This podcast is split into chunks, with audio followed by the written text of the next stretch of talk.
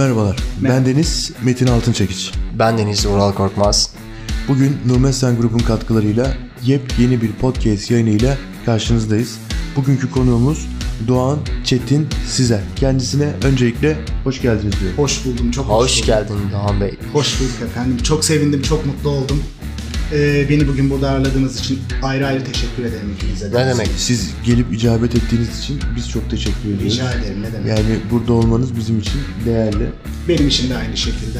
Ve özellikle tabii sektörle alakalı da söylemek istediğiniz şeyler olduğunu bildiğim için Evet, güzellikler ve şikayetler. ve şikayetler onları bilhassa duymak isteriz ve inanıyorum ki sektörde de e, aynı şikayetleri yaşayan, problemleri yaşayan ama dile getiremeyen pek çok insan olduğunu düşünüyorum. Saygı Bu açıdan duyuyorum. onların sesi gibi olma durumu da olabilir diye düşünüyorum. Ya haddimizi değil, ben bireysel olarak çocukluğumdan beri bir haksızlık, bir adaletsizlik gördüğüm zaman orada üretkenliğim ölür. Yani işimi doğru yapamam, Doğru. keyif alamam. Ee, eğer bir taraf destekleniyorsa, mesleğin içinde kabilecilik varsa, Var mı? Az önce de var. Her meslekte olduğu, her işte olduğu gibi bu işin de kötü yanları var ve güzel yanları var. Ee, bu meslekte de çok güzel insanlar var, çok çıkarcı insanlar var. Bunları dile getirmekten rahatsız olmuyorum. Sevilip sevilmemek de çok önemli değil. E ben işimi doğru yapmaya çalışıyorum. Ekstra bir beklentim yok. E işimi de doğru yaparken tabii hakkımın da gelmemesini istiyorum.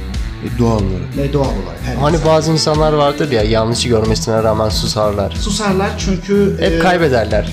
Kaybederler evet. Kıs- şey kısa vadede kazanırlar, uzun vadede kaybederler. Benim öyle bir derdim yok. E, zaten benim asıl mesleğim daha şeyde kayda başlamadan önce sohbet etmiştik tiyatro oyunculuğu. E, ben işimi mesleğimi severek yapıyorum. Bu meslekte oyunculuğun bir uzantısı. Bu işi de keyifle severek yapıyorum. Tabii hakkım gelmediği sürece ya da bir e, liyakatsizlik, adaletsizlik olmadığı, Olmadığı sürece. Peki kabilecilikten örnek verebilir misiniz bize? Nasıl bir kabilecilik var? Kabilecilikten şöyle örnek verebilirim. Mesela bir yerde uzun süre çalışırsınız. Oranın kast sorumlusu değişir. Kast sorumlusu başka bir yere gider. Başka bir stüdyoyla çalışmaya başlar. Ve kastını olduğu gibi oraya taşır. Bu sefer e, oraya yeni gidenler, daha eskiden gidenler bu yeni yer, eski yerde çalış... Daha doğrusu nasıl özetleyeyim size durum biraz karıştı. Gruplaşma oluyor Ee, yani. gruplaşma, gruplaşma oluyor. Tabii olarak. herkes yakınını çağırır, arkadaşını Yani başka çağırır. kişileri dahil etmiyorlar mı o ekibe? Başka kişileri dahil etmezler çünkü yeni gelen kas sorumlusu da kendi kastını değerlendirmek ister. E, bu da meslekteki garantiyi yani hepimiz hayatımızı idame ettirmek zorundayız. Evet, doğru. İşte yol masrafımız var, kiramız var, yemek masrafımız var vesaire. Doğru. Dolayısıyla e, bu meslekte olanlar özellikle de sadece dublaj yapanlar e, çok dile getirmeseler de sürekli bir tedirginlik içerisindedir. Öyle mi? Ben bu tedirginliği yaşamamayı tercih ediyorum kendi adıma. Nasıl yaşamamayı tercih ediyorum? İşime güveniyorum, yetime güveniyorum elimden geldiği kadar. Gelişme sürecindeyiz, hepimiz gelişiyoruz. Evet. Doğruları söylemezsek ezileceğimizin kaygısını yaşıyorum sadece ben de. Gelecek kaygısı olan bir sektör. Evet, maalesef O gelecek kötü, kaygısı evet. olan bir sektör. Yani kazançlar da düşük mü peki? Kazançlar düşük, e, sürümden kazanıyoruz. Yani birkaç yere gittiğin zaman toparlıyorsun. E bu da dolayısıyla hangi işte konuştun ya? Şu karakter sen misin? Beni hiç ilgilendirmiyor böyle Yani. durumlarda. Çünkü Evet. öncelikle karnımın doyması lazım. Kesinlikle. E, mesleğimle, işimle alakalı gerekli saygıyı, e, gerekli hak edişi karşılığı alırsam ben de konuştuğum işleri keyifle takip eder ve paylaşırım. Peki şunu açıklığa kavuşturmak istiyorum izninle. Çoğu insan yani seslenme sanatçısı olmak isteyen nice insanlar var ve bazı şeyleri bilmiyorlar. Mesela yemeğiniz yok. Sigortanız kendi cebinizden Tabii, tabii, yatırıyorsunuz. hepsini- Bunları bilmiyorlar. Evet bilmiyorlar. Ben onlara da hak veriyorum. E, ben de çocukken hep oyuncu olmak isterdim mesela. Dublajla alakalı hiç hayalim olmadı ama tiyatro oyuncusu olmak isterdim. Kamera önünde bir şeyler yapmak isterdim. Ama mesleğin zorluklarını bilmiyordum. E, dolayısıyla mesleğe girince zorluklarını görmüş oldum. Şimdi e, belki bu mesleği yapmak isteyen şu an bu podcast'i dinleyecek arkadaşlarım olabilir. Kimsenin umutlarıyla oynamak istemiyorum. Çünkü gülü seven dikenine katlanır. Her işin bir zorluğu var. Var. E, ama bana sorulsa ben iyi düşün derim. Hani benim için Çünkü para... gelecek kaygısı olan bir Tabii. sektör. Ben bununla savaşabilirim. Ben demoralize olmam. İşte bir şeyler yapmalıyım. Medya sektöründe atıyorum dublaj olabilir ya da sahnede gösteri sanatlarında, görsel sanatlarda bir şeyler yapmak istiyorum. Gerekirse taş yerim diyorsa buyursunlar hodri meydan yapabilirler. Yani, yani gelirleri o zaman bir dublaj sanatçısının düşük olduğunu mu söylüyorsun? Ee, aslında bu biraz meslekte eskimenizle alakalı ama ben şimdi 50 yaşına geldikten sonra ve e, bir kendimce bir lüksü. Şimdi ben sanatçıyım. Benim ne yapabilmem lazım? Özgürce yurt dışına gidip sergilerde atıyorum işte o kültürün operası, tiyatrosunu görebilmem lazım ama e, Türkiye şartlarında kazandığım harcırahla maalesef bu şartlar mümkün değil yerine gelmez. Yani zor. Dolayısıyla iyi bir sanatçı olabilmek için donanımlı olmak lazım. Doğru. E şimdi yaşlandığım zaman da ne işime yarayacak? Doğan atıyorum 55 yaşına geldi, meslekte iyi bir yere geldi. E para da kazanıyor artık, gelecek kaygısı da yok. Ama ben 55 yaşındayım o zaman. Meslekte eskiyince işiniz biraz daha garanti haline geliyor. Ama ben 60 yaşında gelecek garantiyi istemiyorum. Yani 30 yıl anksiyeteyle yaşa. Ya bu dizi biterse ne yaparız? Biz kirayı nasıl öderiz diye düşün. 60 Evet. yaşına gelince ya Doğan bu işin dinozorlarındandır. Hadi bu herifi çağıralım da şu işi konuşturalım. Dediklerindeki rahatlık umurumda bile değil açık söylemek gerekirse. Ya bu şey gibi ya hani 60 yaşında emekli oluyorsun, çalışmıyorsun, emekli maaş alıyorsun ya o saatten sonra gelecek parayı ben ne yapayım? Aynen öyle. Tabii ki her yaşın ayrı bir güzelliği var. Ama üretkenlik olarak en güzel çağlarımda, en güzel enerjimde olduğumu düşünüyorum şu an. Ve dolayısıyla her arkadaşım gibi ben de meslekle alakalı benim yaşımdaki ya da benim jenerasyonum arkadaşlarla aynı kaygıları herkes dile getirmese de ki bu insanların tercihidir yaşıyorum. Neden bahsettik? En son kabilecilikten bahsettik. Evet. Evet. e, liyakatsizlikten bahsedebiliriz. Mesela e, o onun tanıdığıdır, ne bileyim o onun dayısıdır, o onun arkadaşıdır vesaire vesaire. Bunlar biraz seni demoralize eden ve kıran durumlar. Yani ortamda tanıdığın yoksa işin zor. E, evet işin zor. Biz biraz zor taraftan ve dolaylı dolan başlı yoldan girdik. İyi mi yaptık? Aslına bakarsanız psikolojik olarak memnunum çünkü sevdiğim işi yapıyorum. E, çünkü bu da oyunculuğun bir parçası. E, işime girdiğimde konsantre olurum, başka bir şey düşünmem. E, ekstra bilmiyorum ne ilave edebilirim aklıma bir şey gelmiyor. Peki tiyatro oyuncusu olmak nasıl bir duygu? İşte benim aşkım o iş. Mesela ilk Nasıl çıkmışsın böyle sahneye herkes sana bakıyor. A desem B anlayacaklar. Bir heyecan var üstünde. Nasıl bir duygu? Ee, başta her iş gibi zor. Oldukça dublajdan çok çok daha zor. Ee, senin de tanıdığın Ali İhsan Bozdemir. Evet. Ustamla birlikte ben profesyonel bir adım attım. Öncesinde de vardı. Tabii amatör çapta. Bir 10-12 yıl oldu. Ee, hiçbir şey yapamamıştım ya. Dizlerim titremişti. O anki heyecanla. Çok gergin. Çünkü insanlar sana bakıyor. Evet bir de şey e, yüksek temperamanlı bir oyun oynuyorum. Biz benim hocamın tarzı şeydir vaudeville, vaudeville komedi. Ve e, enerjik olman lazım, komik olman lazım. Ben bir de o kadar saçma bir yerden girdim şiveli bir karakter. Ve Kayseri'de böyle temizlik yapan işte evi temizleyen üçkağıtçı şeyler olur ya uşaklar. Efendim gazeteniz hazır efendim merak etmeyin ben okuyayım Allah beyime zeval vermesin Allah razı olsun falan diyen bir tiptim. Ee, germişti beni. 2, 3, 4 bayağı böyle gerildim. Ben 4-5 saat önceden şey yapıyordum mesela. Yakın arkadaşım var benim. Emre Utku Boynukalın. O da dublaj ve tiyatro Evet. sektöründe tanırsın. Tanıyorum. Onu da muhtemelen konuk edeceksindir. O onu çok kafasını ağrıtmışımdır mesela şu bağlamda. İki saat kaldı mesela. Emre ne olur bana soru sorma ben çok gerginim. İşe başlayacağım birazdan elim ayağım titriyor gibi böyle. Ha şimdi biraz daha tabii normalleştirdik. Araba kullanmaya benziyor. Yani nasıl Yani. her gün bir fırıncı Her ekmek gün. çıkartıyorsa ona benziyor. Artık sıradan. Tabii aynen öyle. İşimizin içinde bir de psikoloji de barındırdığımız için. Dolayısıyla o adam gibi hissetmeye çalışıyoruz. Yani atıyorum bir sapığı oynuyorsan sapık ne düşünür? Nasıl davranır? Ya da atıyorum bir doktorun oynuyorsan Şimdi doktor bir manav gibi değildir davrandığı zaman şey olarak, dramatik aksiyon olarak. Kültürel anlamda farklıdır. Daha donanımlıdır, hitabet şekli daha farklıdır, nasıl bakar, nasıl oturur, gözlem, hayal ediyorsun ve işini olabildiğince doğru yapmaya çalışıyorsun. Seviyorum. Şu anda peki tam olarak yapmış olduğunuz işler ne? Ne yapıyorsunuz? Yani sadece seslendirme mi Bir yoksa proje. ek, ek gelir amacıyla mesela e, oyunculuk, sinema oyunculuğu ya da farklı bir sektör mesela bazı insanlar ticaret yapıyorlar. Ee, benim çok şükür öyle bir şeye ihtiyacım kalmadı. Çünkü ben e, tiyatroyla başladım. Evet. Yan getirisi olarak dublaj yapmayla devam ettim. Hafta içi her gün dublaj yapıyorum. Akşamları haftada e, ayda iki oyun, üç oyun yetişkin oyunu oynuyorum. Komedi oyunları. En son İstanbul Tiyatro Topluluğu'ndaydım. Ekipten ayrıldım. Kürk Mantolu Madonna. Aha, O da çok güzel bir eser Sebahattin Ali'nin. Çok güzel. Aynen öyle. O bitti işte. Şimdi devam ediyorum. Komedi oyunlarım var. Mahmut Yeser'in yazdığı Eyvah Kayanam diye bir oyun var. O oyunda Harika. devam ediyorum. Güzel, seviyorum işimi, mesleğimi seviyorum. Seviyorsanız çok güzel. Çünkü teşekkür genel ticaret yapan insanlar da çok fazla oluyor. Hı hı. Yani ek iş yapan. O yüzden merak ettim. O arkadaşlarıma da çok saygı duyuyorum. Ee, çok da üzülüyorum. Keşke böyle olmasa. Tabii başka kültürlerde nasıl oluyor, sanat ne durumda? Hani duyduğumuz kadarını biliyoruz. Atıyorum dublajın Almanya'da çok daha iyi olduğunu mesleki Evet büyüklerimizden yurt dışında demo kayıtlarına bile ücret veriyorlar. ücret verdiklerini. Üzülüyorum. Ee, umarım daha iyiye gideriz. Yani 20 sene sonra şartlar çok daha iyi olur. Ve İnşallah. kimse ekstra başka bir iş yapmak zorunda kalmaz. İnşallah. Peki oynamaktan en çok keyif aldığınız karakter hangisi? Beni ustama alıştırdı. Ben hep komedi.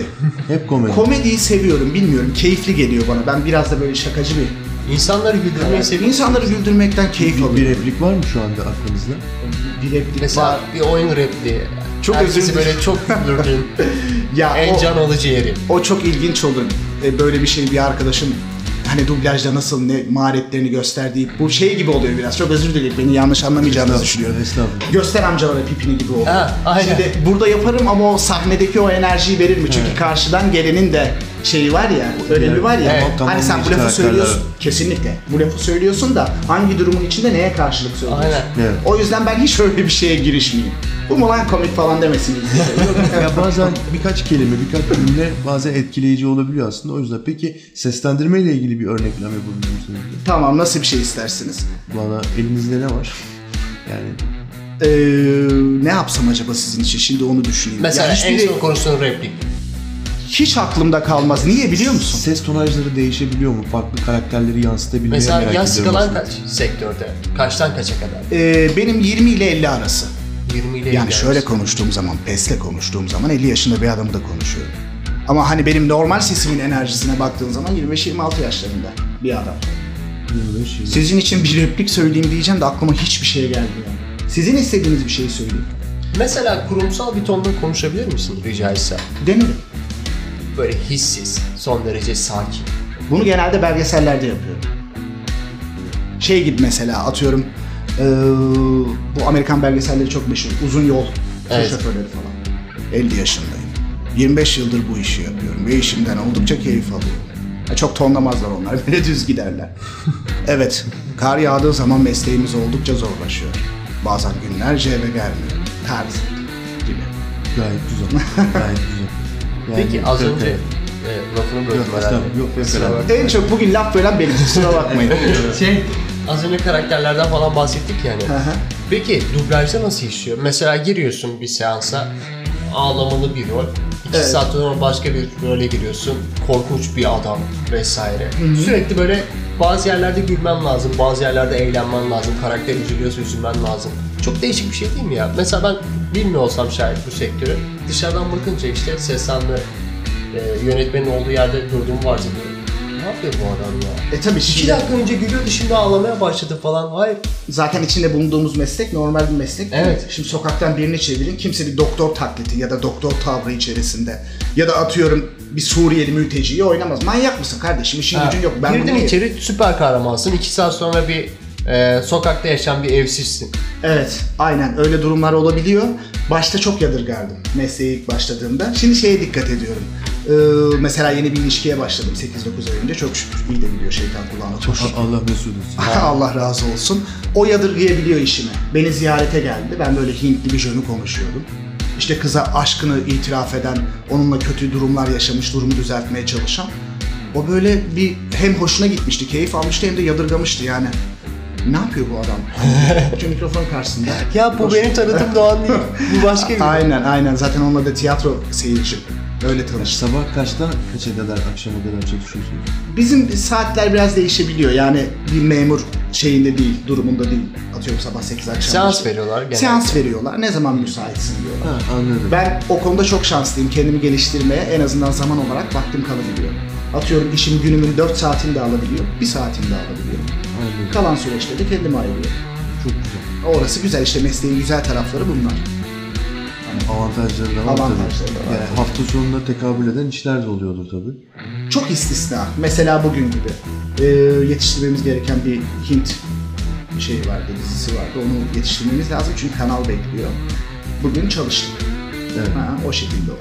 O zaman dublajdan geldiniz. Ha, dublajdan geldim. Söyledim hatta. Evet, evet Vallahi söyledi. Yetişemeyebilirim ayıp olur mu diye konuşmuştuk. Şey, Hangi platformlar için çalışıyorsunuz? Kanal 7 için çalışıyoruz. e, Ah, şu Kanal YouTube 7 için var çalışıyoruz. Netflix için çalışıyoruz. Kötüden iyiye. Sinema TV için çalışıyoruz. Evet. Hintli dizileri vardı herhalde. Evet hala devam ediyor. Devam ediyor. Şu Kanal 7 var ya bitirdi bizi ya. ne bağlı? Evde ev hanımları sürekli bu Hint dizilerini izliyorlar ya. Aynen öyle. Ya içeriklere de baktığın zaman aslında çok kayda değer bir şey yok ama bir alışılmış bir kitlesi var. Ya mesela ben denk geldim bir sahnesine. Düşünüyor, sesli bir şekilde düşünüyor ve yürüyor yarım saat o kapıdan dışarı çıkamıyor. Çok yavaş. Evet. Peki sen bavul sahnesini gördün mü? Yok yani İnanılmaz. İşte başrol kadın oyuncunun bayılıp bavulun içine düşmesi, hizmetçinin bunu fark etmemesi, bavulu e, kapatması. Sonra ev sahibinin sinirlenip zengin ya adam bir de böyle egolu. Ya bu bavulun burada ne işi var deyip alıp bavulu havuza atması. hayır onu nasıl kaldırıp atıyor falan. Ay, Bu nasıl bir şey yani Mantık. imajinasyon, nasıl bir mantık ve izleyen kitleleri var ilginç bir şekilde. Maalesef. Ya da kızın perdeye dolanıp böyle ölüyorum, boğuluyorum falan olması. Evet bazen bak mesela konuşurken utandığımız işlerden bahsedelim biraz. Tamam. Bu tarz işlerde şey diyorsun. "E, yok artık be kardeşim yuh ya diyorsun. Yani evet Hint işlerinde böyle bir durum var. Saçma sapan şeyler Saçma sapan işler var. Ama tabii biz ona da aynı değeri veriyoruz. Doğru konuşmaya Çünkü çalışıyoruz. sonuç olarak iş orada yapıyorsun yapıyorum ve ben. bırakıyorsun orada. Evet yani o çok da şey yapmamak. Aman bu da Hint hadi böyle normal okuyalım gibi bir durum yok. Onda da ben oyunumu doğru vermeye Ama çalışıyorum. Son derece profesyonelce Yani. yapıyorsun, Evet. çıkıyorsunuz. Yani öyle. Son sorun varsa alalım Burak. Var, Yaklaştık benim sona son bir sorun var. Tabii ki. Ee, piyasanın durumunu nasıl görüyorsun? Neler değişse güzel olur. Tamam o zaman şöyle izah edeyim. Piyasanın durumunu hiç sevmiyorum. Öncelikle liyakatsizlik ve kabilecilik durumlarıyla alakalı. Piyasanın durumundan hoşnut değilim. Ee, mesleğimde açık söylemek gerekirse bir gelecek garantisi görmüyorum. Umarım şartlar daha iyi olur. Hak edişler daha iyi dağıtılır ve liyakatli işi ehline teslim edilir. Yapabilen işini doğru yapar. Ben çok profesyonelim işimi doğru yapıyorum diye bir derdim yok. Ama sadece iş biraz daha kaliteli olursa bu sefer ben dublajda izlemiyorum kardeşim diyen bu tayfa var ya. Onların da eline malzeme vermemiş olurlar. Evet. Yani daha eski adamlar işini daha doğru yaparsa ya bu da tanıdık hadi bunu da halledelim parlatalım gibi bir durum olmazsa o zaman işler daha adaletli ve daha sağlıklı olur. Bu ücret bakımından Ücret bakımından bir şeyler e, değişmeye başladı. Umarım aslında hala 2000'li yılların ücretini alıyor musunuz yani? değişti. Üstad bir isim söylemiş. Ha ha. Evet, maalesef öyle. Biraz daha iyileştirdi ama tabii kiraları falan düşündüğümüz zaman ne kadar faydalı olabilir. Dolayısıyla e, Almanya'da bir adam bir tane işe gidiyordur. Muhtemelen oturuyordur, bir hafta çalışmıyordur. Sen günde 5 tane işe gitmek zorundasındır, farklı farklı. E sistem böyle olunca da ben nerede konuşmuşum? Dur ya ben ne yapmışım? Hadi şunu paylaşayım, bunu takip edeyim yapamıyorum çünkü ben çok işte konuşuyorum. Ama bu yani bu kaşe durumları neye göre belirleniyor? Mesela devlet yıllık olarak asgari ücrete zam yapıyor. Sizde mesela kim belirliyor bunu? Mesela sen şey diyebiliyor musun? Ya yeni yıla girdik ben atıyorum 100 lira 200 lira daha zam istiyorum. Ee, artık buna gerek kalmıyor çünkü e, sendika, oyuncular sendikası bununla alakalı bir yaptırım uyguladı. Takip ediyorsunuzdur belki. Evet. Onunla alakalı işte %80'lik, %150'lik bir zam talebimiz vardı mesela. Çok fazla geldiği kanallar tarafından söylendi. Karşılanmadı. Şimdi %80'lik bir zam alındı. Biz de ona riayet etmeye, uymaya çalışıyoruz. Ucuz iş yapmamaya çalışıyoruz. Piyasayı düşürmemeye çalışıyoruz. Ama bu sefer de telif haklarınız gitti yani. Maalesef. E burası Türkiye. Evet.